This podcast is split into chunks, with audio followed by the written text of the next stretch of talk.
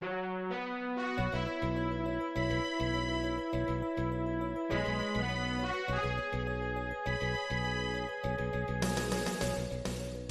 listening to Radio Free Asia. The following program is in Khmer.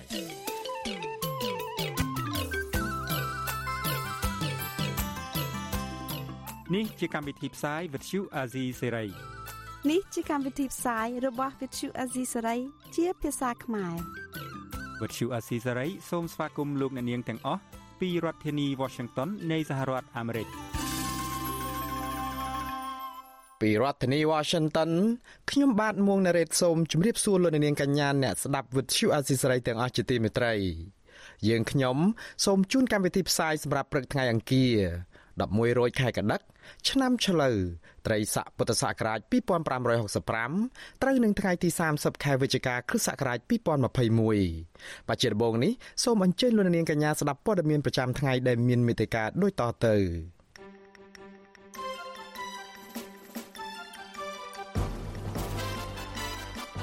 មន្ត្រីសិទ្ធិមនុស្សអន្តរជាតិថាលោកកម្មសុខា កំពុងតែរងគំនាបនឹងការគំរាមកំហែងពីលោកហ៊ុនសែននិងបកកណ្ដាលអំណាច រដ្ឋបាលក្រុងភ្នំពេញផ្អាកការជួបជុំនឹងមុខរបរមួយចំនួន សម្រាប់រយៈពេល7ថ្ងៃដើម្បីបង្ការមេរោគបំផ្លាញថ្មីអូមីក្រុងបរដ្ឋរិះគន់អាញាធរខ្មែរថាមិនជួយដល់ពលករខ្មែរដែលថៃចាប់ដាក់គុកនៅតំបន់ព្រំដែនបាត់វិភាអំពីអធិពលលោកសំរាំងស៊ីដែលធ្វើឲ្យលោកហ៊ុនសែនបារម្ភនឹងសងសឹកជាបន្តបន្ទាប់រួមនឹងព័ត៌មានផ្សេងៗមួយចំនួនទៀត បច្ចុប្បន្នទៅទៀតនេះខ្ញុំបាទមុនណារ៉េតសូមជូនព័ត៌មានពឺស្ដា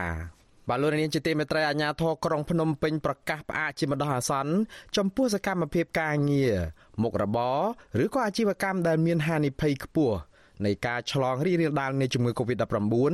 និងការជួបប្រជុំឬក៏ប្រមូលផ្ដុំជាលក្ខណៈឯកជន នៅក្រុងភ្នំពេញសម្រាប់រយៈពេលមួយសប្តាហ៍គិតចាប់ពីថ្ងៃទី29ខែវិច្ឆិការហូតដល់ថ្ងៃទី5ខែធ្នូ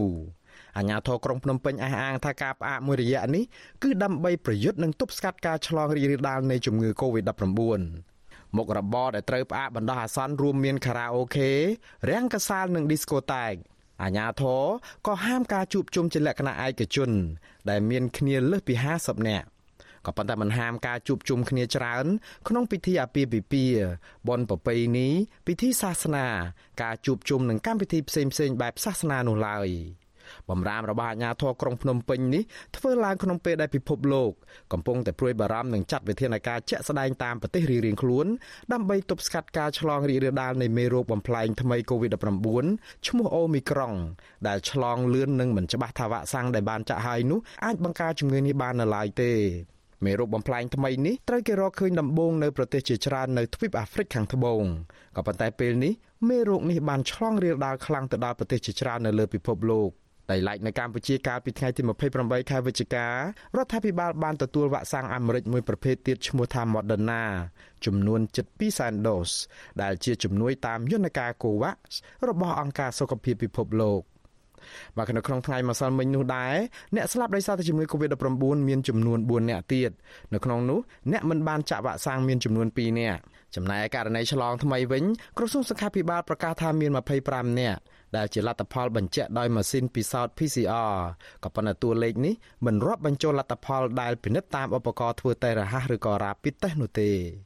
គិតមកត្រឹមថ្ងៃទី29ខែវិច្ឆិកាម្សិលមិញនោះដែរកម្ពុជាមានអ្នកកើតជំងឺ Covid-19 ជាង120,000នាក់នៅក្នុងនោះអ្នកជាសះស្បើយមានជាង110,000នាក់ករណីអ្នកស្លាប់បានកើនឡើងដល់ទៅ2935នាក់ហើយ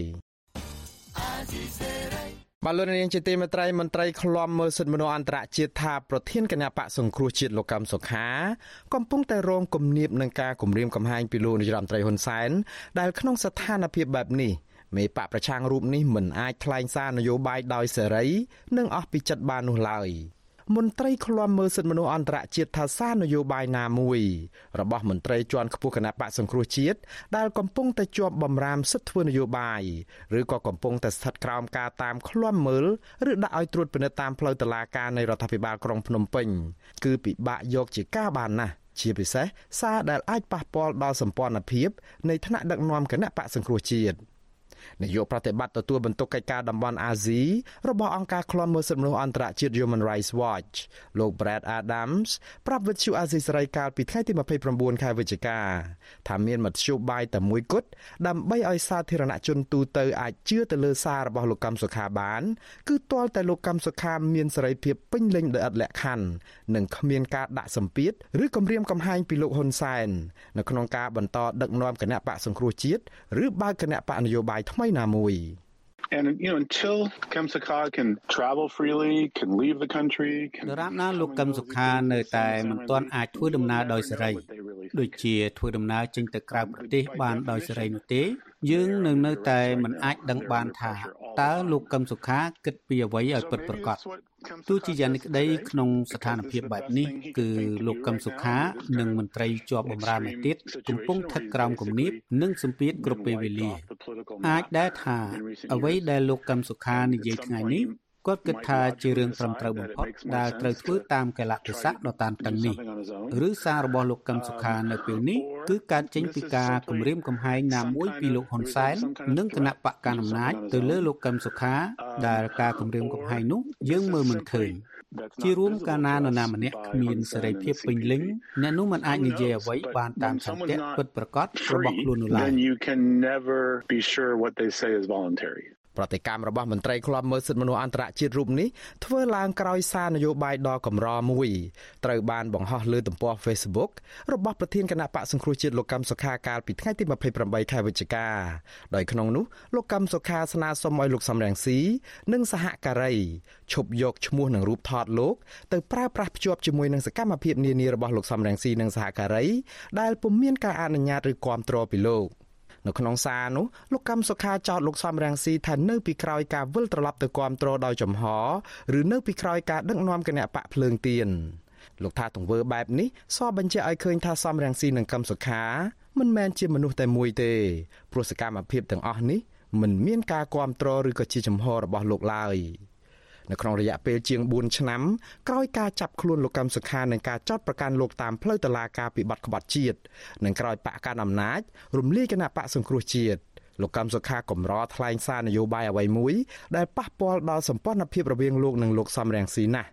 ម្យ៉ាងលោកធ្លាប់អះអាងថាលោកគោរពតាមបទបញ្ជាតុលាការកំពូល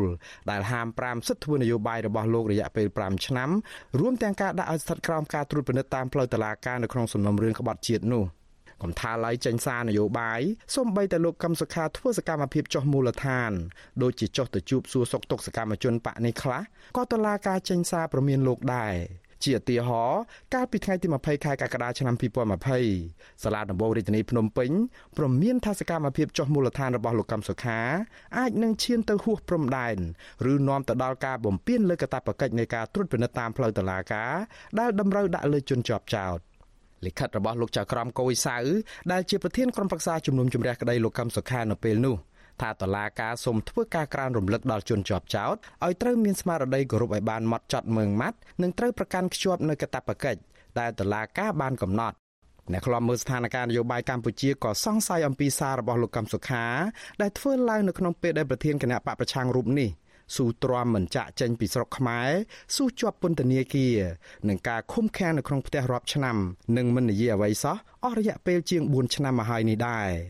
លោកបណ្ឌិតសេងសេរីថាសារដែលខូចប្រយោជន៍រួមរបស់គណៈបកសង្គ្រោះជាតិបែបនេះមិនអាចសរសេរចេញពីប្រធានគណៈបកបាននោះឡើយព្រោះវាចំណេញដល់គណៈបកកណ្ដាលអំណាចឯនោះទៅវិញហើយបំផ្លាញក្តីសង្ឃឹមរបស់អ្នកប្រជាធិបតេយ្យបើទោះបីជាយ៉ាងនេះក្តីលោកថាបើសារនោះពិតជាសាររបស់លោកកឹមសុខាមែន លោកហៅមេបកប្រឆាំងរូបនេះថាជាមេបកចម្លែកលោកបន្ថែមថាបើមិនចង់ឲ្យសហការីសកម្មជននិងអ្នកគាំទ្រប្រើរូបនិងឈ្មោះរបស់ខ្លួនក្នុងបបផហេតុនៃការតស៊ូនយោបាយរបស់គណៈបកសង្គ្រោះជាតិចុះហេតុអ្វីលោកកម្មសុខាមិនលាលែងចេញពីប្រធានបកតែម្ដងទៅ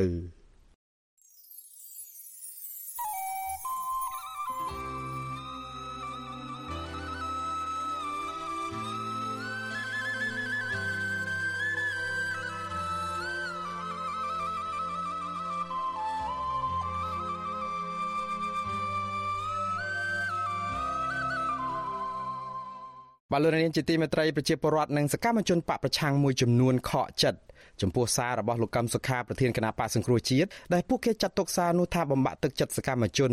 និងអ្នកគាំទ្រនៅមូលដ្ឋាននិងក្រៅប្រទេសដែលកំពុងតែទាមទារឲ្យគោរពសិទ្ធិមនុស្សជួយស្ដារលទ្ធិប្រជាធិបតេយ្យឡើងវិញនៅកម្ពុជា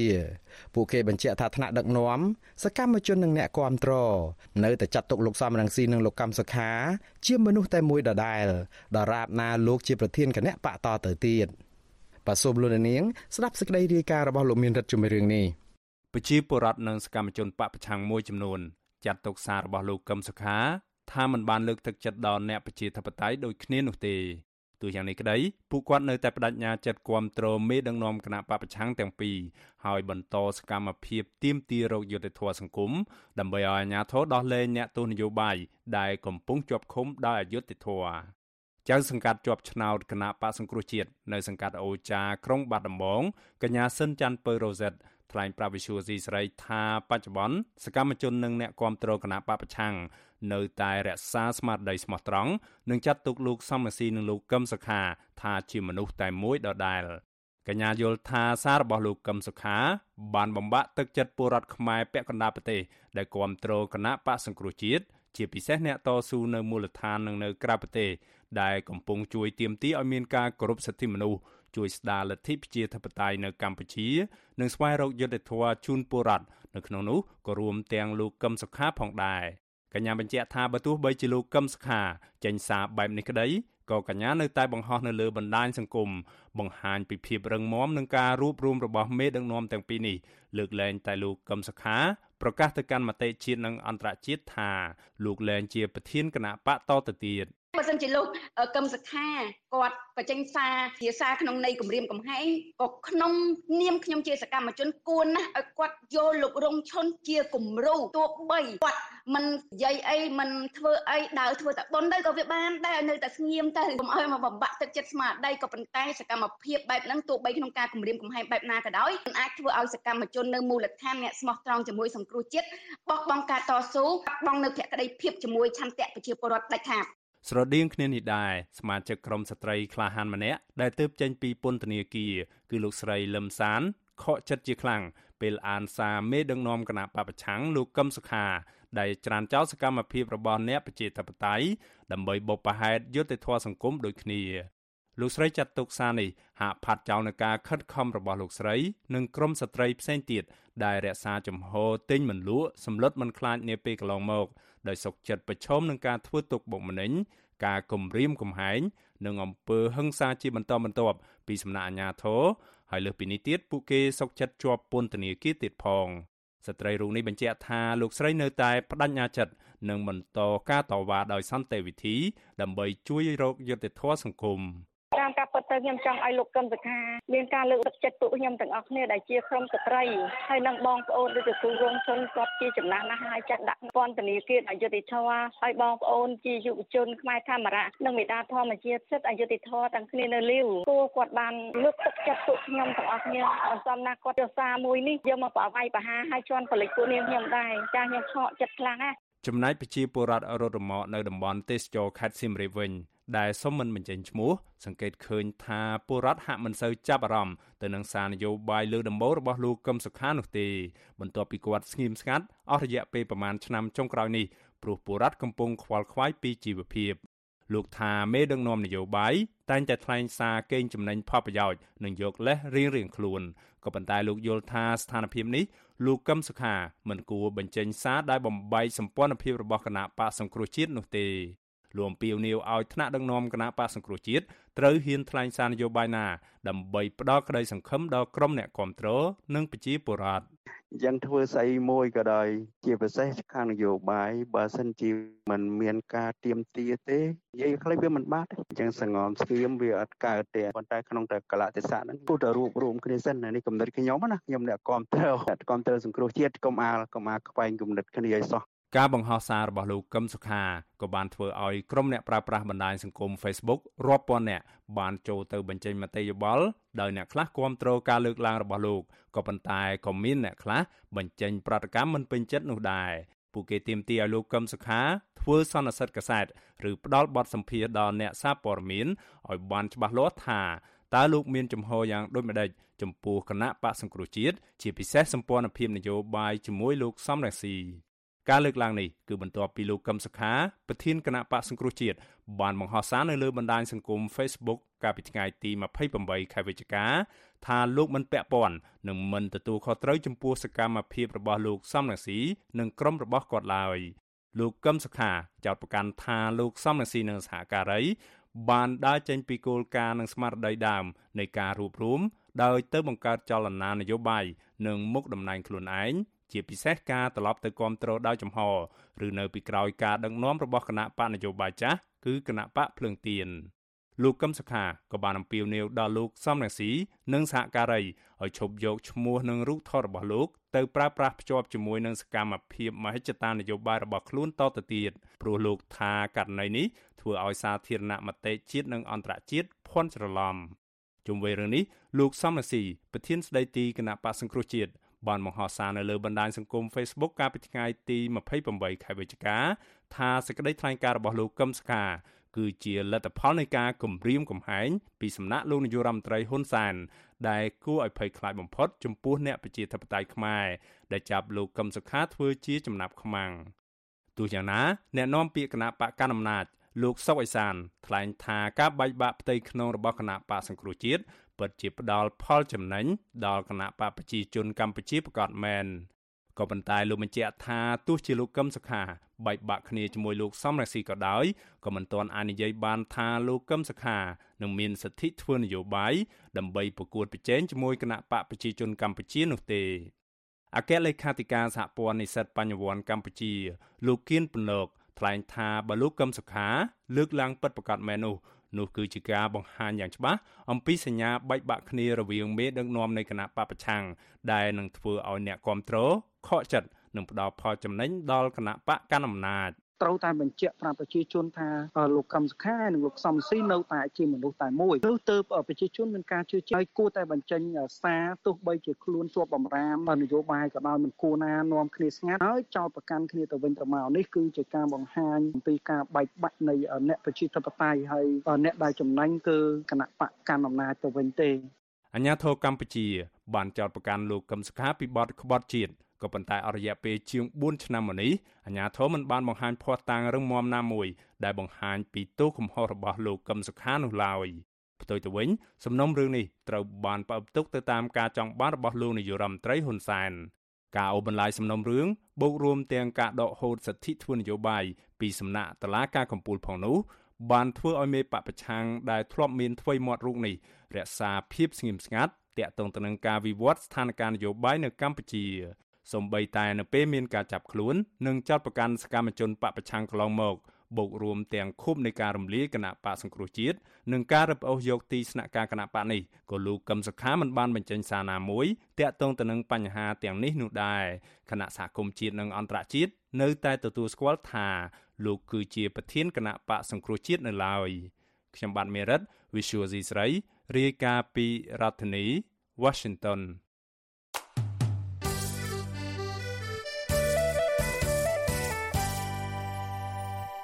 បាទលោកនាងជាទីមេត្រីអ្នកវិភាគលើកឡើងថាការបែកបាក់រវាងថ្នាក់ដឹកនាំគណៈបកសង្គ្រោះជាតិលោកកម្មសុខានិងលោកសំរងស៊ីបានបង្ហាញឲ្យឃើញកាន់តែច្បាស់ហើយក្រោយពីលោកកម្មសុខាប្រកាសថាលោកសំរងស៊ីនិងលោកកម្មសុខាមិនមែនជាមនុស្សតែមួយទៀតទេបើសិនជាលោកកម្មសុខានិងលោកសំរងស៊ីបែកបាក់គ្នាមែននោះតើអនាគតរបស់គណៈបកសង្គ្រោះជាតិនឹងទៅជាយ៉ាងណាសូមលោកនាងរងចាំស្ដាប់នឹងទស្សនានីតិវិទ្យាអ្នកស្ដាប់វិទ្យុអាស៊ីសេរីដែលនឹងជជែកអំពីបញ្ហានេះនៅយប់នេះកំបីខាន លោកអ្នកនាងក៏អាចសួរវាគ្មិនរបស់យើងឬក៏បញ្ចេញជាមតិយោបល់ដោយដាក់លេខទូរស័ព្ទរបស់លោកអ្នកនាងនៅក្នុងខ្ទង់ comment Facebook របស់អាស៊ីសេរីឬក៏ YouTube របស់អាស៊ីសេរីដែលកំពុងតែផ្សាយផ្ទាល់នៅពេលនេះក្រុមការងាររបស់វិទ្យុអាស៊ីសេរីនឹងហៅទៅលោកអ្នកនាងវិញបាទសូមអរគុណ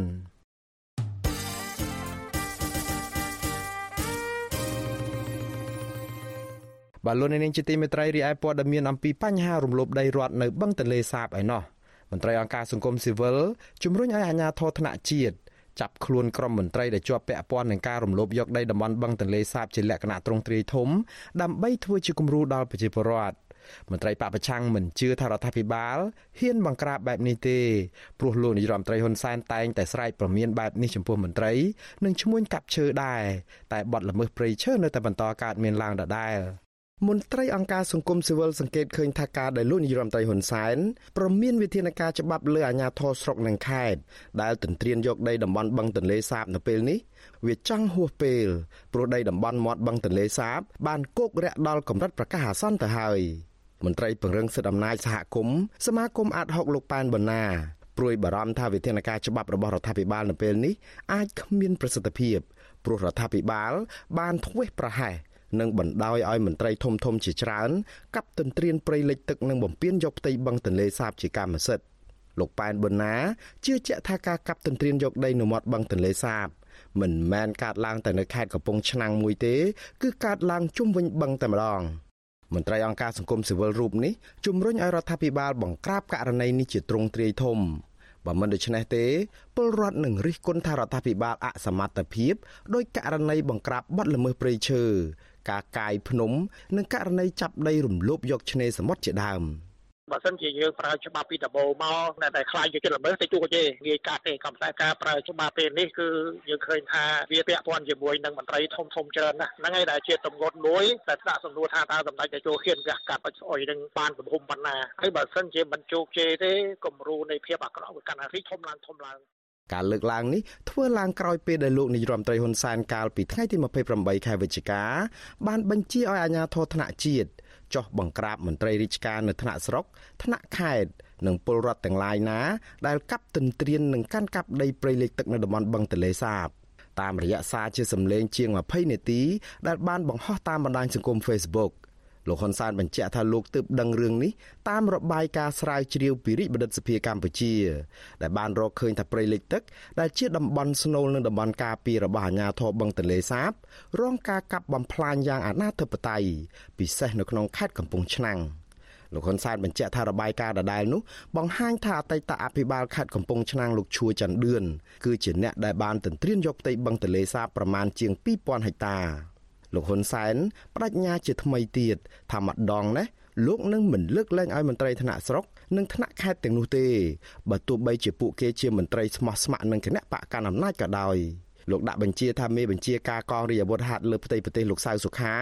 ត្រូវដឹកនាំកម្លាំងជើងទឹកនិងជើងគោកនិងជើងអាកាស ត្រូវចោះចាប់ស្រាវជ្រាវចាប់ខ្លួនមន្ត្រីល្មើសច្បាប់ទាំងអស់នោះភ្លាមហើយរដ្ឋមន្ត្រីក្រសួងដែនដីនគររូបនីយកម្មនិងសំណង់លោកជាសភារានឹងដឹកនាំក្រុមមន្ត្រីស៊ីវិលគ្រប់ក្រសួងពាក់ព័ន្ធចុះទៅស្រាវជ្រាវជាបន្តបន្ទាប់ដែរលោកនាយរដ្ឋមន្ត្រីក៏បញ្ជាឲ្យប្រធានអង្គភិបប្រឆាំងអំពើពុករលួយលោកអោមយិនទៀងចុះទៅស្រាវជ្រាវចាប់ខ្លួនមន្ត្រីពាក់ព័ន្ធបាត់ល្មើសពុករលួយទាំងអស់បញ្ជូនទៅតុលាការនិងស្រាវជ្រាវរឹបអូសយកទ្រព្យសម្បត្តិដែលមន្ត្រីទាំងនោះទទួលបានមកពីផលនៃការកាប់បំផ្លាញព្រៃលិចទឹកផងដែរ បើទោះបីជាយ៉ាងនេះក្តីលោកហ៊ុនសែនប្រកាសឲ្យមន្ត្រីល្មើសច្បាប់ទាំងនោះចេញមុខមកសារភាពកំហុសដើម្បីទទួលបានស្ថានសម្រាលទោសត្រូវចាប់បញ្ជូនទៅកាន់តុលាការនៅជនទាំងឡាយណា បើសិនជាគេជាមន្ត្រី ដើម្បីដកហូតត្រឡប់មកវិញ រហូតដល់រឹបអូសនៅទ្រព្យសម្បត្តិទាំងឡាយដែលពួកគេមាន ដែលចេញមកពីការល្មើសច្បាប់នៅក្នុងក្របខ័ណ្ឌនៃការកាប់ព្រៃលិចទឹកក្នុងតំបន់ទន្លេសាប ជំវិញករណីនេះអ្នកនាំពាក្យកងរាជអាវុធហត្ថលើផ្ទៃប្រទេសលោកអេងហ៊ីប្រាប់វិទ្យុអាស៊ីសេរីនៅថ្ងៃទី29ខែវិច្ឆិកាថាមេបញ្ជាការលោកសៅសុខាបានដឹកនាំកងកម្លាំងប្រជុំជាមួយនឹងរដ្ឋមន្ត្រីពាក់ព័ន្ធនៅថ្នាក់ជាតិរួចទៅហើយដោយបន្ទាប់មកទៀតលោកសៅសុខានឹងដឹកនាំកម្លាំងទៅដល់ទីតាំងផ្ទាល់លោកអេងហ៊ីឲ្យដឹងទៀតថាអាជ្ញាធរថ្នាក់ជាតិកំពុងតែស៊ើបអង្កេតនៅឡើយហើយមិនទាន់មានមន្ត្រីថ្នាក់ខេត្តឬក៏ថ្នាក់ស្រុកណាមួយដែលបានកាប់ទន្ទ្រានព្រៃលិចទឹកចេញមុខមកសារភាពនៅឡើយទេ អត់ទាន់ដឹងផងព្រោះមិនទាន់ការស៊ើបអង្កេតមិនដឹងវាបាច់ផងហើយទៅចាប់ខ្លួនយីរឿងហ្នឹងចាំមើលស៊ើបអង្កេតទៅហ្នឹងបាទវិទ្យុអាស៊ីសេរីមិនអាចសុំការបញ្ជាក់ពីអតីតអភិបាលខេត្តកំពង់ឆ្នាំងលោកឈួរច័ន្ទឌឿនបាននៅឡើយទេនៅថ្ងៃទី29ខែវិច្ឆិកាតែយ៉ាងណាលោកឈួរច័ន្ទឌឿនបានប្រាប់ក្រសែតក្នុងស្រុកថាលោកមិនមានដីនៅតាមតំបន់បឹងទន្លេសាបទេហើយនៅក្នុងអាណត្តិជាអភិបាលខេត្តនោះលោកតែងតែទប់ស្កាត់ជាហោហែលើករណីនេះ។ ក៏ប៉ុន្តែមន្ត្រីបកប្រឆាំងជឿថារបាយការណ៍ដែលបង្ហាញថាលោកឈួរច័ន្ទឌឿនបានរំលោភបំពានយកដីបឹងទន្លេសាបនោះគឺជាការពិតសមាជិកក្រុមប្រឹក្សាជាប់ឆ្នោតខេត្តកំពង់ឆ្នាំងនៃគណៈបកសង្គ្រោះជាតិលោកដួងចន្ទ្រាឲ្យដឹងថាលោកឈួរច័ន្ទឌឿនបានរំលោភយកដីបន្ទាយទាហានទាំង8ស្រុកតាំងពីលោកនៅកាន់តំណែងជាមេបញ្ជាការប្រតិបត្តិសឹកខេត្តមកម្លេះ លោកដួងចន្ទ្រាបន្តទៀតថានៅពេលដែលឡើងកាន់តំណែងជាអភិបាលខេត្តលោកឈួរច័ន្ទឌឿនបានទន្ទ្រានយកដីតំបន់បឹងទន្លេសាបតាមរយៈការខ្ចីដៃនិងប្រើឈ្មោះគ្នាគ្នារបស់លោកឲ្យចេញមុខជំនួសហើយលោកជាអ្នកនៅពីក្រោយខ្នងចាំជ្រោមជ្រែង ខ្ញុំពុំមានជំនឿទុកចិត្តទេព្រោះអ្វីដែលកន្លងទៅឲ្យតែបាក់ពួកគាត់ធ្វើក៏គាត់ប្រកាសប្រកាសឲ្យតែប្រជាប្រដ្ឋហ្នឹងល្អស្ដាប់តែប៉ុណ្ណោះទេនិយាយអស់ទៅថាបោកប្រាស់ប្រជាប្រដ្ឋដើម្បីប្រជាពិធដ្ឋគុំគាត់ពោះចិត្តបោះឆ្នោតមកដល់ហើយចឹងឲ្យគាត់ឃើញថាក្នុងរបបដឹកនាំរបស់គាត់មិនឲ្យមានអំពើពុករលួយដើម្បីបោកប្រាស់ប្រជាប្រដ្ឋ លោកឈួច័ន្ទឌឿនគឺជាមេយោធាទី2ដែលបានឡើងកាន់តំណែងជាអភិបាលខេត្តលោកកាន់តំណែងជាអភិបាលខេត្តកំពង់ឆ្នាំងជិត10ឆ្នាំគឺពីឆ្នាំ2013ដល់ឆ្នាំ2021លោកជាអភិបាលខេត្តដែលល្បីថាមានដីឡូពុះលក់ជាច្រើនកន្លែងដែរលោកក៏ជាមន្ត្រីអាជ្ញាធរមួយរូបដែលល្បីថាជាអ្នកដែលមានសន្តានចិត្តខាងជួយសម្រួលឲ្យជនជាតិវៀតណាមធ្លាប់រស់នៅលើផ្ទៃបណ្ដែតទឹកបានមកតាំងទីលំនៅលើគោកលើផ្ទៃដីជាង40ហិកតាដែរ មិនតែប៉ុណ្ណោះលោកឈួច័ន្ទឌឿនជាអភិបាលខេត្តកំពង់ឆ្នាំងនោះរងការរិះគន់ខ្លាំងជាងគេខាងបើកដៃឲ្យឈ្មួញដីនិងមន្ត្រីកាប់បំផ្លាញធនធានធម្មជាតិនិងធនធានត្រីនៅក្នុងបឹងទន្លេសាប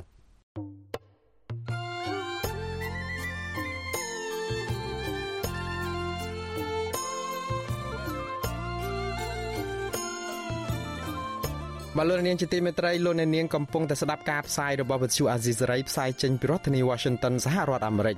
នៅក្នុងឱកាសនេះដែរខ្ញុំបាទសូមថ្លែងអំណរគុណដល់លោកនាងកញ្ញាទាំងអស់ដែលតែងតែមានភក្ដីភាពចំពោះការផ្សាយរបស់យើងហើយចាត់ទុកការស្ដាប់វិទ្យុអាស៊ីសេរីជាផ្នែកមួយនៃសកម្មភាពប្រចាំថ្ងៃរបស់លោកនាង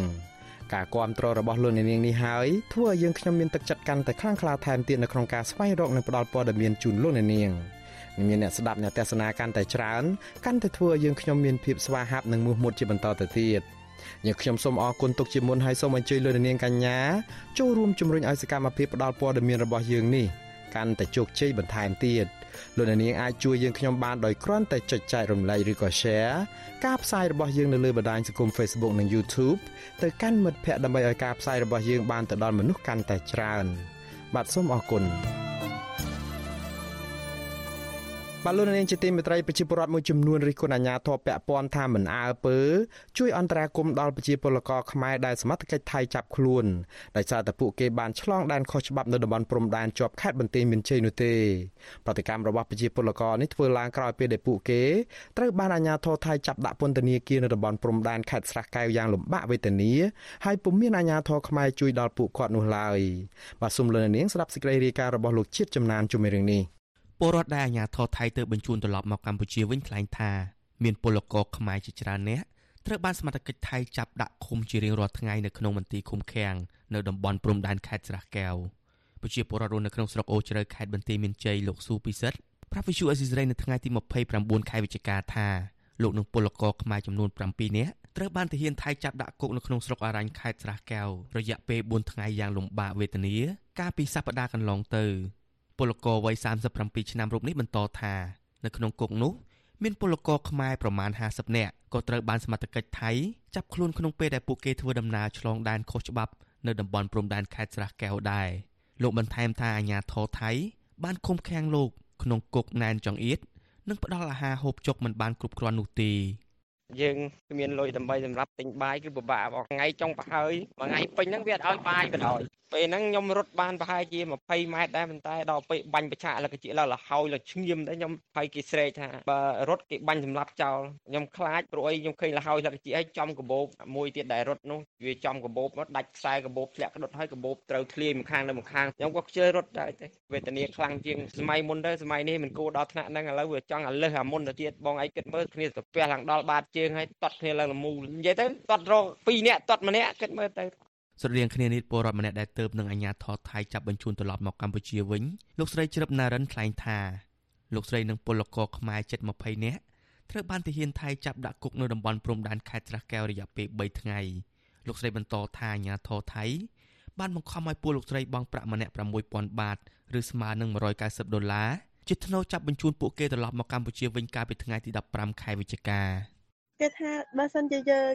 មិនបង់យើងជាប់គុក2ខែទៅ3ខែអញ្ចឹងបើមានលើកទី2លើកទី3ឯងកាន់តែទៅយើងកាន់តែធ្ងន់ថាយើងចិត្តទៅខុសច្បាប់គេផាកយើងអញ្ចឹងណាគេបណៃយើងអញ្ចឹងណាអូបងអើយប្រឈម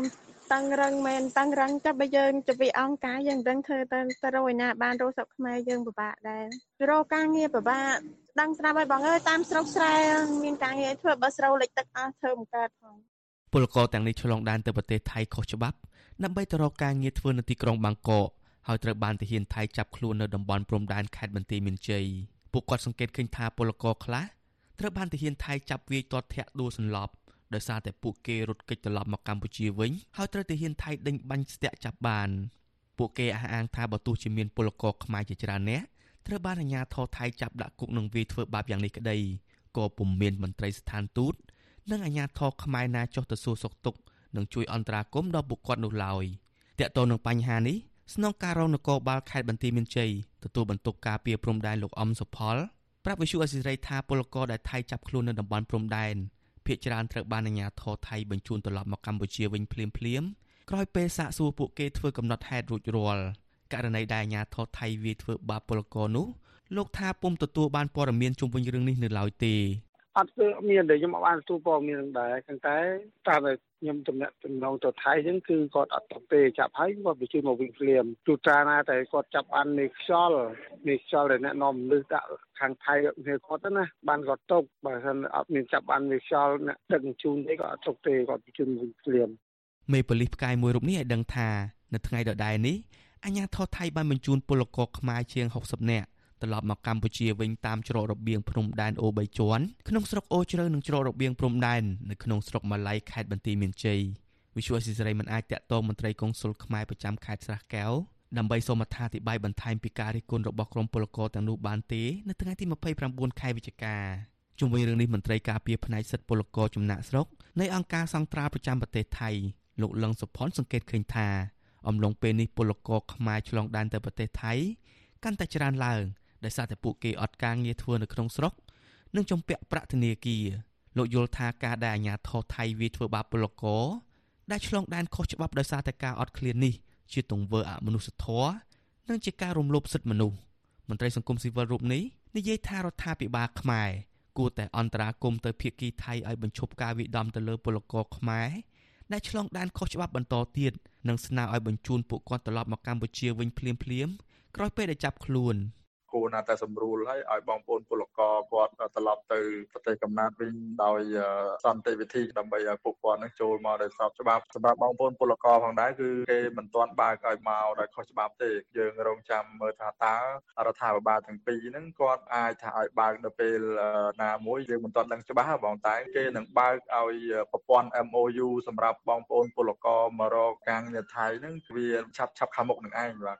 របាយការណ៍របស់អាជ្ញាធរថៃឲ្យដឹងថា រយៈពេលមួយសប្តាហ៍នៅដើមខែវិច្ឆិកា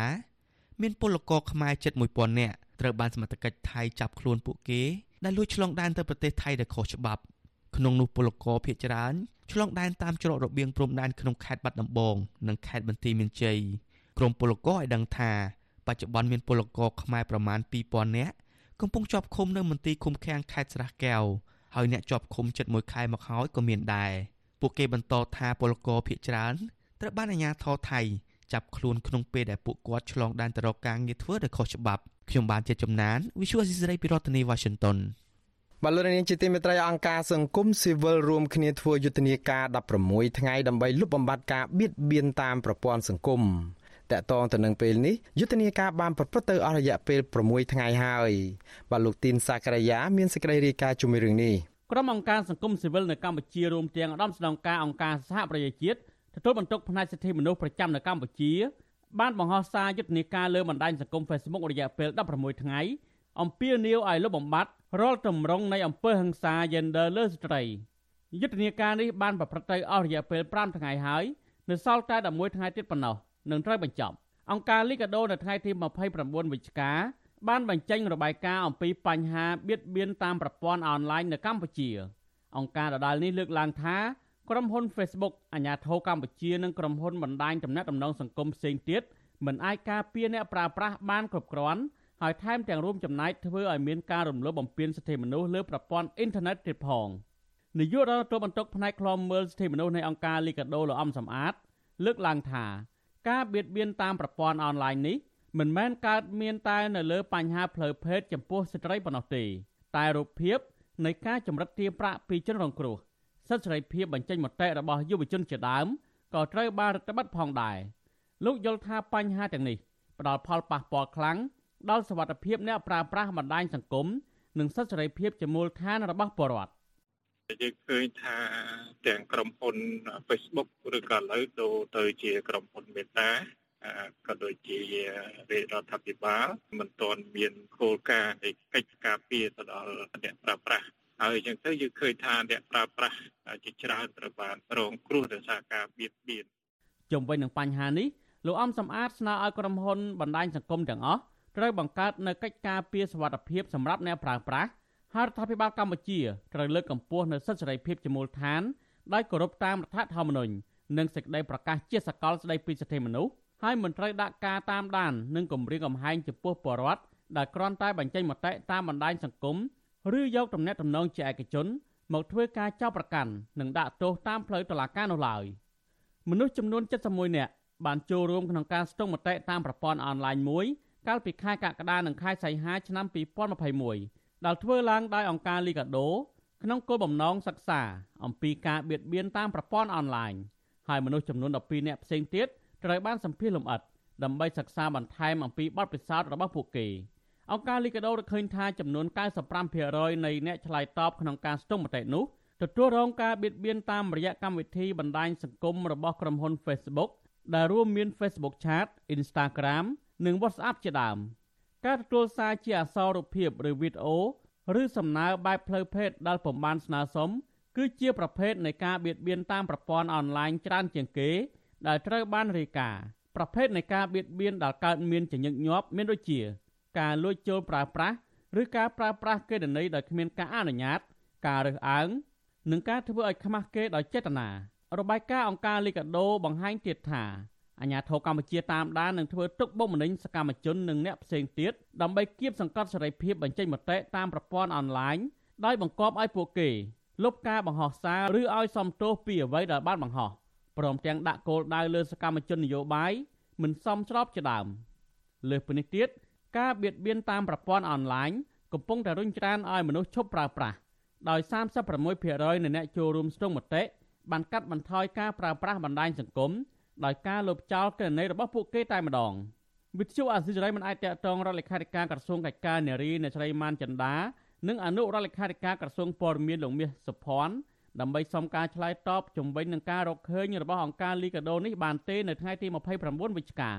ក្រុមអង្គការសង្គមស៊ីវិលលើកឡើងថាការបៀតបៀនតាមប្រព័ន្ធអនឡាញនេះកាន់តែមានការកើនឡើងគួរឲ្យព្រួយបារម្ភអង្គការសង្គមស៊ីវិលស្នើឲ្យអាជ្ញាធរកម្ពុជានិងក្រុមហ៊ុនប្រព័ន្ធផ្សព្វផ្សាយសង្គមនានារួមគ្នាទប់ស្កាត់បញ្ហានេះហើយលើកកម្ពស់សិទ្ធិសេរីភាពជាមូលដ្ឋានរបស់ប្រជាពលរដ្ឋឡើងវិញខ្ញុំធីនសាការីយ៉ាអស៊ីសេរីប្រធានីវ៉ាស៊ីនតោន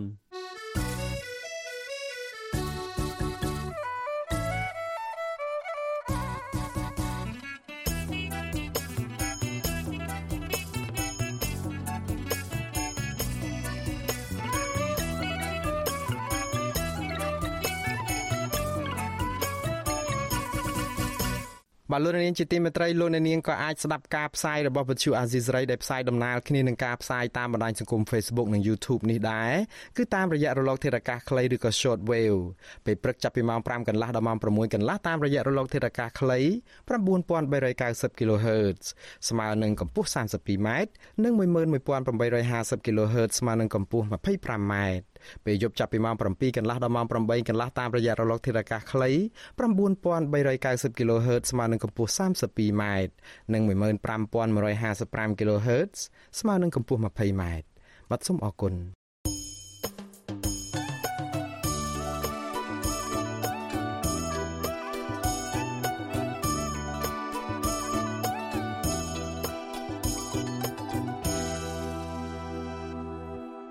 បលូននាងជាទីមេត្រីអង្គការការពារសិទ្ធិមនុស្សលីកាដូស្នើឲ្យអាជ្ញាធរនិងក្រុមហ៊ុនបណ្ដាញសង្គមបង្កើនការការពារសិទ្ធិដល់អ្នកប្រើប្រាស់នៅលើបណ្ដាញអ៊ីនធឺណិតសំណើនេះធ្វើឡើងក្រោយពេលដែលអង្គការលីកាដូរកឃើញថាអ្នកប្រើប្រាស់បណ្ដាញសង្គមនៅកម្ពុជា កំពុងតែរងការបៀតបៀននិងរំលោភសិទ្ធិក៏ប៉ុន្តែគ្មានការជួយអន្តរាគមន៍ពីអាជ្ញាធរនិងក្រុមហ៊ុនបណ្ដាញសង្គមទាំងនោះបាទសូមលន់នាងស្ដាប់សេចក្តីរាយការណ៍របស់លោកជីវិតាជំរឿននេះអង្គការសិទ្ធិមនុស្សលីកាដូរកឃើញថា ក្រុមហ៊ុន Facebook ដែលបច្ចុប្បន្នបានបដូរឈ្មោះជាក្រុមហ៊ុនមេតាអាញាធរកម្ពុជានិងក្រុមហ៊ុនបណ្ដាញទំនាក់ទំនងសង្គមផ្សេងទៀតមិនអាចការពារអ្នកប្រើប្រាស់បានគ្រប់គ្រាន់ហើយថែមទាំងរួមចំណែកធ្វើឲ្យមានការរំលោភបំពានសិទ្ធិមនុស្សលើប្រព័ន្ធអ៊ីនធឺណិតទៀតផង អង្គការដដែលបន្តទៀតថា Facebook បានក្លាយជាកន្លែងដែលអាចអនុញ្ញាតឲ្យអាជ្ញាធររដ្ឋធ្វើការត្រួតពិនិត្យចាប់ពិរុទ្ធនិងរំលោភបំពានលើអ្នកប្រើប្រាស់បាន និងអនុញ្ញាតឲ្យបុគ្គលឯកជនធ្វើការរំលោភបំពានផ្លូវភេទបង្កការរើសអើងគំរាមកំហែងនិងការរំលោភបំពានផ្សេងផ្សេងមកលើអ្នកប្រើប្រាស់ផ្សេងទៀតបានជាញឹកញាប់ការរកឃើញនេះបានមកពីការស្ទង់មតិមួយដែលមានពលរដ្ឋប្រមាណជាង700នាក់ចូលរួមលទ្ធផលបង្ហាញថា ជាង1ភាគ3នៃអ្នកចូលរួមស្ទង់មតិធ្លាប់ទទួលរងការបៀតបៀនតាមប្រព័ន្ធអនឡាញជាពិសេសអ្នកស្រឡាញ់ភេទដូចគ្នាយុវជន និងសកម្មជនសិទ្ធិមនុស្សដែលជាមនុស្សដែលទទួលរងការរំលោភបំពានខ្លាំងជាងគេលើសពី20%នៃស្ត្រីដែលបានចូលរួមស្ទង់មតិបាននិយាយថា អ្នកទាំងនោះធ្លាប់ទទួលរងការបៀតបៀនតាមប្រព័ន្ធអនឡាញក្រោយមានការរកឃើញបែបនេះអង្គការលីកាដូបានតាក់ទងទៅកាន់ក្រុមហ៊ុន Facebook ដោយបានផ្ញើនៅការរកឃើញសំខាន់សំខាន់នៃរបាយការណ៍នេះកាលពីខែតុលានិងខែវិច្ឆិកាឆ្នាំ2021 ហើយបានស្នើសុំការបំភ្លឺបន្ថែមទៅលើការរកឃើញនិងបញ្ហាទាំងនោះទោះជាយ៉ាងណា អង្គការលីកាដូឲ្យដឹងថាក្រោយពីឆ្លើយតបដោយបញ្ជាក់ថាខ្លួនបានទទួលសាររបស់អង្គការលីកាដូហើយក្រុមហ៊ុន Facebook មិនបានឆ្លើយតបទៅនឹងសំណួរដែលលីកាដូបានសួរឬបញ្ហាដែលបានលើកឡើងនោះទេនាយិកាអង្គការលីកាដូអ្នកនាងណាលីពីឡុកលើកឡើងក្នុងរបាយការណ៍នោះថា Facebook មិនមានទំនួលខុសត្រូវចំពោះពលរដ្ឋកម្ពុជានោះទេអ្នកនាងស្នើឲ្យក្រុមហ៊ុននេះប្រកាន់ជំហរជាសាធារណៈជំទាស់នឹងការត្រួតពិនិត្យការចាប់ពិរុទ្ធនិងការរំលោភបំពានពីសំណាក់អាជ្ញាធររដ្ឋហើយប្រកាន់ទំនួលខុសត្រូវទៅលើការរំលោភផ្សេងៗទៀតដែលបានសាយភាយពីពេញបណ្ដាញសង្គមរបស់ខ្លួនវិទ្យុអាស៊ីសេរីមិនទាន់អាចតាក់ទងក្រុមហ៊ុន Facebook ដើម្បីឆ្លើយតបទៅនឹងការរកឃើញរបស់អង្គការសិទ្ធិមនុស្សលីកាដូនេះនៅឡើយទេ របាយការណ៍របស់អង្គការលីកាដូដដែលបានលើកយកឧទាហរណ៍ជាក់ស្ដែងអំពីអ្នករងគ្រោះនៃការបៀតបៀនតាមប្រព័ន្ធអនឡាញក្នុងនោះរួមមានវីដេអូរបស់សុផលសុផលគឺជាឈ្មោះតំណាងដែលអ្នកនិពន្ធដាក់ឲ្យរបស់ក្មេងស្រីម្នាក់ដែលត្រូវបានគេលួចថតនៅពេលនាងកំពុងរួមភេទហើយវីដេអូនោះត្រូវបានគេចែកចាយជាសាធារណៈលើបណ្ដាញសង្គម Facebook ដោយមិនមានការយល់ព្រមពីរូបនាងរឿងរ៉ាវទី2របស់ភៀប គឺជានារីម្នាក់អាយុជាង30ឆ្នាំដែលតែងតែត្រូវបានគេគំរាមកំហែងឥតឈប់ឈរពីក្រុមហ៊ុនផ្ដាល់ប្រាក់កម្ចីឯកជនមួយដែលបង្គាប់ឲ្យនាងផ្ដល់នៅរូបភាពអាក្រាតកាយរបស់នាង ជាថ្នូរនឹងការទទួលបានប្រាក់កម្ចីជនរងគ្រោះម្នាក់ទៀតឈ្មោះចាន់នីជានារីម្នាក់អាយុជាង20ឆ្នាំទទួលរងការរើសអើងតាមប្រព័ន្ធអ៊ីនធឺណិតក្រោយពេលនាងបានចែករំលែកវប្បធម៌ជនជាតិដើមភាគតិចរបស់នាង និងមានរឿងរ៉ាវជាច្រើនផ្សេងៗទៀត វិទ្យុអាស៊ីសេរីមិនអាចតាក់ទងរដ្ឋមន្ត្រីក្រសួងប្រៃសណីនិងទូរគមនាគមន៍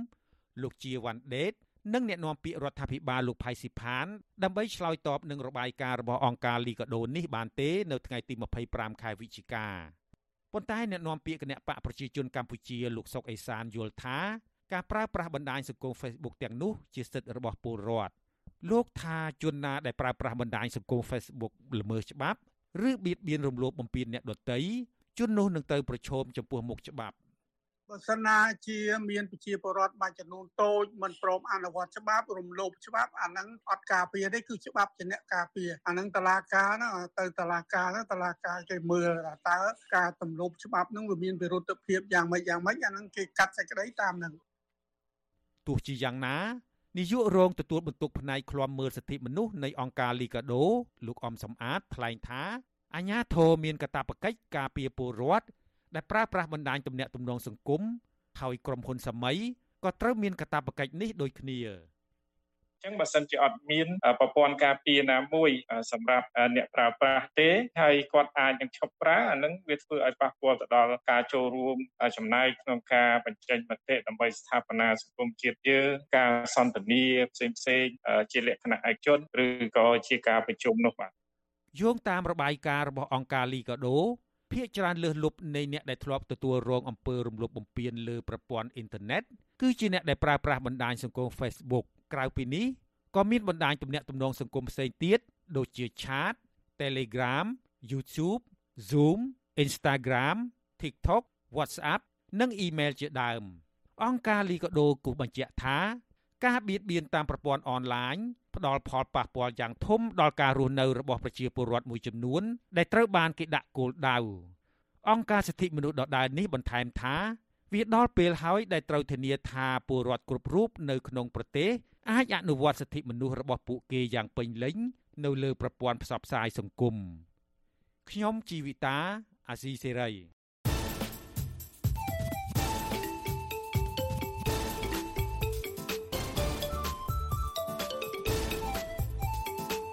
បទវិភាគ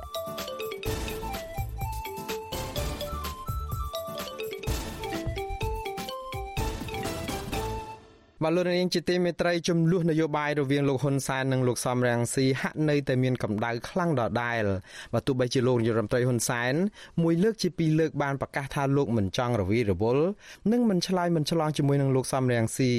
ដែលលោកហ៊ុនសែនតែងតែចាត់ទុកថាជាមេឧទាមក្រៅច្បាប់និងជាអ្នកនយោបាយរត់ចោលស្រុកក្តីក៏ប៉ុន្តែជាក់ស្ដែងលោកហ៊ុនសែននៅតែបង្ហាញការព្រួយបារម្ភយ៉ាងខ្លាំងពីឥទ្ធិពលរបស់លោកសំរងស៊ីនិងបានបញ្ចេញសកម្មភាពសងសឹកលោកជាបន្តបន្ទាប់ តើហេតុអ្វីបានជាលោកហ៊ុនសែនមិនបន្ធូរដៃឲ្យលោកសំរងស៊ីបានសូមលោកនាងស្ដាប់បទវិភាគរបស់លោកទីនសាការីយ៉ាជុំវិញរឿងនេះនៅពេលដែលគេមើលឃើញថាលោកនាយរដ្ឋមន្ត្រីហ៊ុនសែនហាក់បន្ធូរដៃដល់សកម្មជនឈឺឆ្អាលពីបញ្ហាសង្គមហើយបានដោះលែងសកម្មជនទាំងអស់នោះជាបន្តបន្ទាប់រួមទាំងមានលោករងឈុនផង សកម្មភាពនេះបានទទួលការសាទរពីសំណាក់អ្នកការពារសិទ្ធិមនុស្សនិងមហាជន គេសង្កេតឃើញថាកាយវិការហាក់ទន់ភ្លន់របស់លោកហ៊ុនសែនដោះលែងសកម្មជនទាំងនោះ គឺនៅក្រៅពេលលោកហ៊ុនសែនបានទទួលញញួរជាផ្លូវការធ្វើជាប្រធានបដូវវេនរបស់អាស៊ានហើយដល់កម្ពុជាត្រូវធ្វើជាម្ចាស់ផ្ទះរៀបចំកិច្ចប្រជុំអាស៊ាននិងកិច្ចប្រជុំពាក់ព័ន្ធជាច្រើនទៀតក្នុងក្របខ័ណ្ឌអាស៊ាននៅឆ្នាំ2022ព្រមទាំងកិច្ចប្រជុំកំពូលអាស៊ីអឺរ៉ុបនៅក្នុងខែវិច្ឆិកាឆ្នាំ2021នេះភាពទន់ភ្លន់មួយរំពេចរបស់លោកហ៊ុនសែនបានធ្វើឲ្យមនុស្សមិនតិចទេគិតបែបសកតិនិយមថាស្ថានភាពរំលោភបំពានសិទ្ធិមនុស្សនិងភាពតានតឹងផ្នែកនយោបាយនៅកម្ពុជា អាចនឹងមានភាពធូរស្រាលខ្លះខ្លះនៅពេលកម្ពុជាធ្វើជាប្រធានអាស៊ានបដូវវេននិងធ្វើជាម្ចាស់ផ្ទះរៀបចំកិច្ចប្រជុំកំពូលអាស៊ីអឺរ៉ុបនោះជាការពិតណាស់ក្នុងនាមជាប្រធានអាស៊ានបដូវវេននៅឆ្នាំក្រោយបញ្ហាមួយដល់កម្ពុជាធ្វើជាប្រធានបដូវវេនខិតខំបន្តដោះស្រាយគឺបញ្ហាវិបត្តិរំលោភសិទ្ធិមនុស្សនិងនយោបាយនៅក្នុងប្រទេសមីយ៉ាន់ម៉ាឬភូមា បញ្ហានេះសំណួរចោទនៅត្រង់ថាបើកម្ពុជាខ្លួនឯងនៅតែចាក់ស្រេះដោយបញ្ហារំលោភសិទ្ធិមនុស្ស នឹងមិនអាចដោះស្រាយភាពចម្រូងចម្រាសនយោបាយផ្ទៃក្នុងខ្លួនឯងមិនទាន់ទាំងបានផងតើកម្ពុជាអាចមានទាំងមុតប្រៃឯណាទៅប្រដៅណែនាំរកដំណោះស្រាយឲ្យប្រទេសមីយ៉ាន់ម៉ាឬភូមានោះដូច្នេះហើយបានជាគេមើលឃើញថាការសម្រេចចិត្តដោះលែងសកម្មជនសង្គមមួយរំពេចរហូតដល់ទៅជាង30នាក់ប្រហែលជាលោកហ៊ុនសែនគិតខ្លះខ្លះដែរពីមុខមាត់របស់កម្ពុជានឹងអាចជាការឆ្លោះកញ្ចក់ដោះក្អែលលាងសម្អាតខ្លួនឲ្យបាត់ក្លិនស្អុយបន្តិច ក្នុងពេលកម្ពុជាកំពុងតែត្រៀមខ្លួនធ្វើជាអ្នកកាន់ញញួរដឹកនាំកិច្ចប្រជុំកំពូលអាស៊ាននោះទោះជាយ៉ាងណាក្តីរំពឹងថាអ្វីអ្វីអាចនឹងបានប្រសើរជាងមុនហាក់ធ្លាក់ចុះគ្រប់មកវិញនៅពេលរដ្ឋាភិបាលលហ៊ុនសែនបានបញ្ចេញសកម្មភាពជាហោហែក្នុងបំណងហាក់បន្តតាមកំតិចគណៈបកប្រឆាំងជាពិសេសគឺលោកសំរងស៊ីនិងអ្នកគាំទ្ររបស់លោកឲ្យដល់ទីបញ្ចប់នោះបន្ថែមពីនេះក្នុងមួយរយៈពេលដ៏ខ្លីលោកហ៊ុនសែនបានធ្វើសកម្មភាពជាច្រើនដើម្បីសងសឹកលោកសំរងស៊ី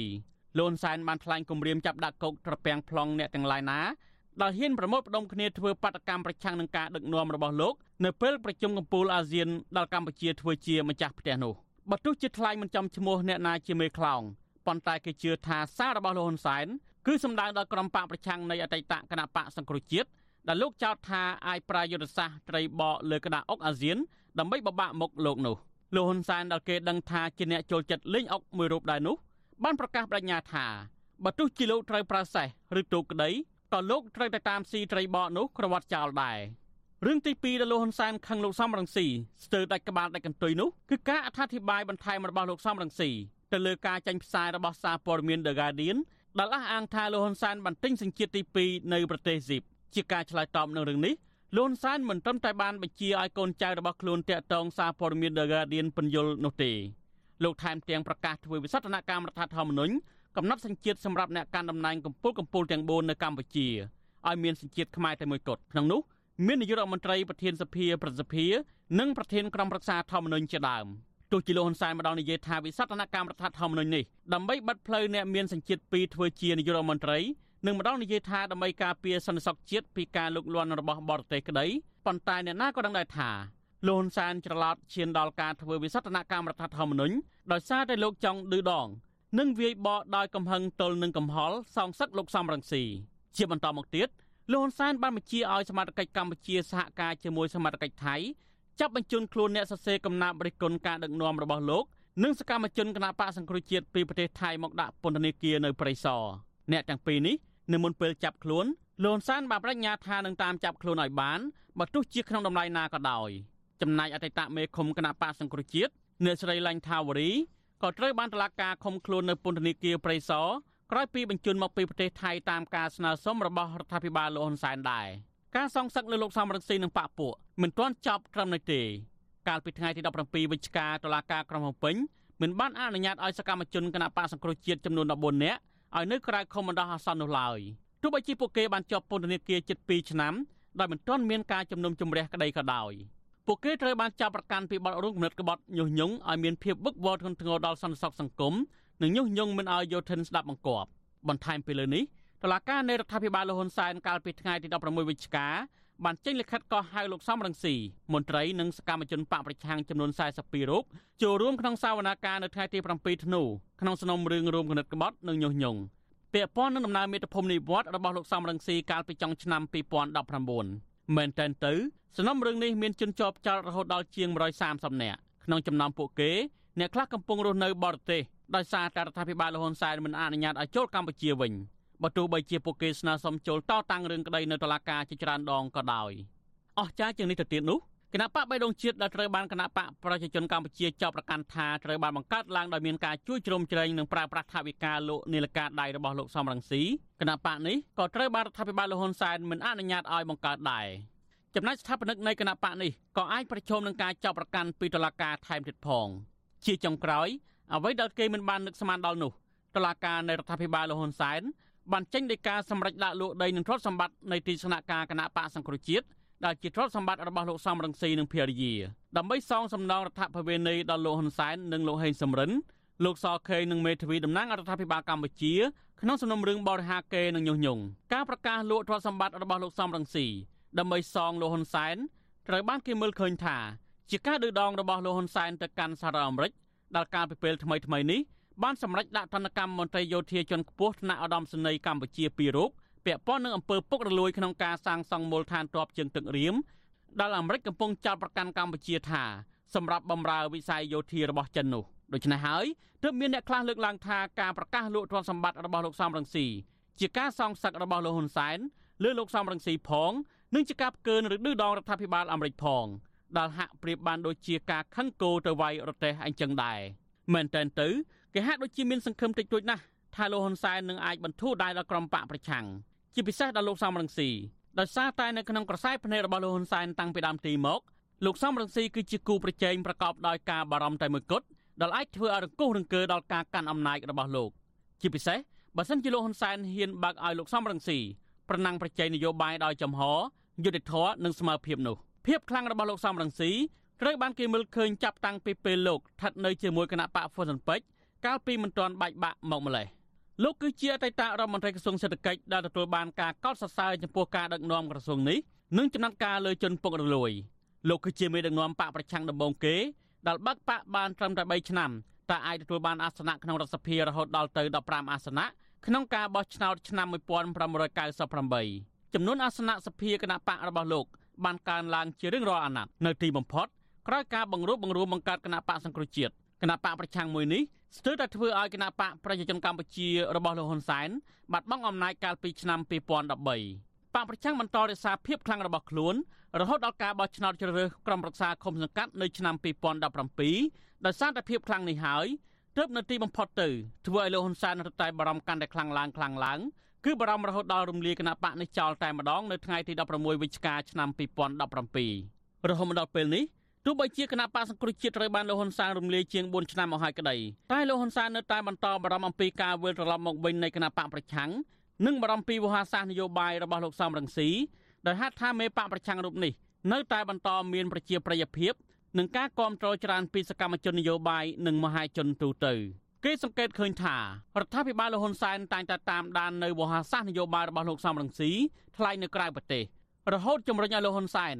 មិនត្រឹមតែមិនឆ្លងឆ្លើយជាមួយលោកសំរងស៊ីដោយដែលលោកហ៊ុនសែនតែងតែប្រកាសនោះទេតែលោកហ៊ុនសែនថែមទាំងបានរៀបចំយុទ្ធសាស្ត្រដើម្បីទប់ទល់នឹងអធិបុលរបស់លោកសំរងស៊ីថែមទៀតផងនោះណាក៏ដឹងដែរថាលោកហ៊ុនសែនបានប្រើគ្រប់វិធីសាស្ត្ររារាំងមិនឲ្យលោកសំរងស៊ីអាចវិលចូលស្រុកវិញបាន លោកសំរងស៊ីប្រកាសពីផែនការវិលចូលស្រុកនៅថ្ងៃទី9វិច្ឆិកាឆ្នាំ2019និងគៀកោឲ្យសកម្មជននៅក្រៅប្រទេសចូលស្រុកជាមួយនឹងអ្នកគាំទ្រនៅក្នុងប្រទេសទៅទទួលលោកបាយជាលោកហ៊ុនសែនទប់ស្កាត់និងបានគម្រាមកំហែងមិនឲ្យក្រុមហ៊ុនអាកាសចរដល់លោកសំរងស៊ីវិលចូលកម្ពុជាវិញបានឡើយលើសពីនេះលោកហ៊ុនសែនបានប្រាប់រដ្ឋាភិបាលថៃមិនអនុញ្ញាតឲ្យលោកសំរងស៊ីឆ្លងចូលកម្ពុជាតាមទឹកដីថៃនោះទេក្រៅពីរារាំងលោកសំរងស៊ីមិនឲ្យចូលស្រុកបាន លោកហ៊ុនសែនបានធ្វើទុកបុកម្នេញសកម្មជននិងអ្នកគាំទ្រគណៈបកប្រឆាំងណាដែលហ៊ានបង្ហោះសារឬប្រកោកប្រកាសចូលរួមដំណើរជាមួយលោកសំរងស៊ីមានសកម្មជនបកប្រឆាំងជាច្រើនត្រូវបានលោកហ៊ុនសែនចាប់ប្រកាន់និងចាប់ដាក់គុករហូតមកដល់បច្ចុប្បន្ននៅពេលរៀបចំយុទ្ធសាស្ត្រមិនឲ្យលោកសំរងស៊ីវិលចូលស្រុកវិញបានហើយលោកហ៊ុនសែនជារឿយៗបែរជាថ្លែងឌឺដងថា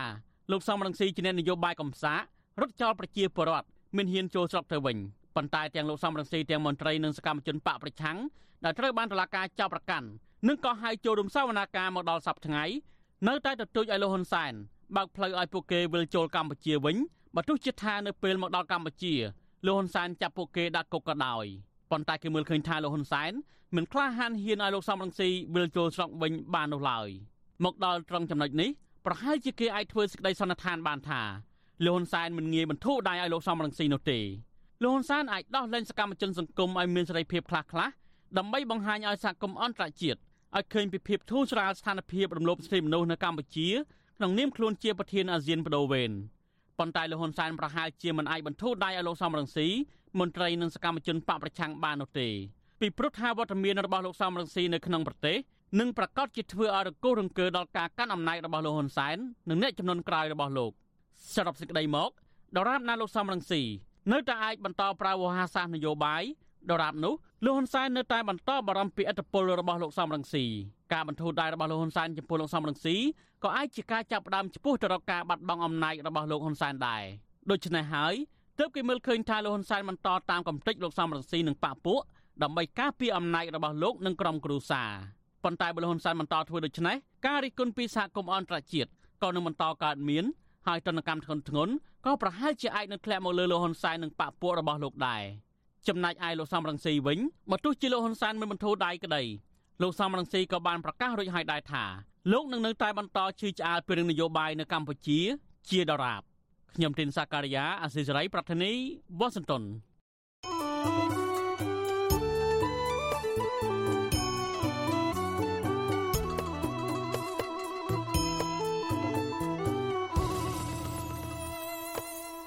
បាទលោកនាងជាទីមេត្រីជាបន្តទៅទៀតនេះខ្ញុំបាទមួងណារ៉េតសូមជូនព័ត៌មានបញ្ចប់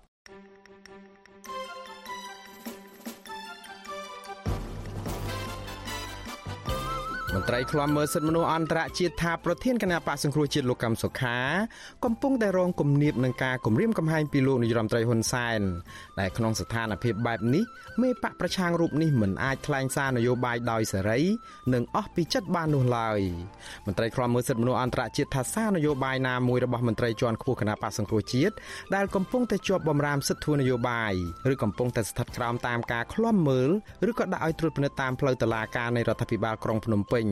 គឺពិបាកយកជាការបានណាស់ជាពិសេសសារដែលប៉ះពាល់ដល់សម្ព័ន្ធភាពនៃថ្នាក់ដឹកនាំគណៈបកសង្គ្រោះជាតិអអាជ្ញាធរក្រុងភ្នំពេញប្រកាសផ្អាកជាបណ្ដោះអាសន្នចំពោះសកម្មភាពការងារមុខរបរឬក៏អាជីវកម្មដែលមានហានិភ័យខ្ពស់នៃការឆ្លងរីករាលដាលនៃជំងឺ Covid-19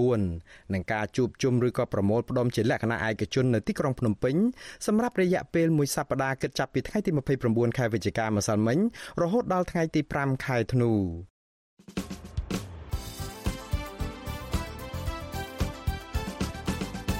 បលូននាងកញ្ញាអ្នកស្ដាប់ជាទីមេត្រីការផ្សាយរយៈពេល1ម៉ោងជាភាសាខ្មែររបស់វិទ្យុអាស៊ីសេរីនៅពេលនេះចាប់តែប៉ុណ្ណេះយើងខ្ញុំសូមជូនពរដល់លោកនាងព្រមទាំងក្រុមគ្រួសារទាំងអស់ឲ្យជួបប្រកបតែនឹងសេចក្តីសុខចម្រើនរុងរឿងកុំបីឃ្លៀងឃ្លាតឡើយខ្ញុំបាទមុងណារ៉េតព្រមទាំងក្រុមការងារទាំងអស់នៃវិទ្យុអាស៊ីសេរីសូមអរគុណនិងសូមជម្រាបលា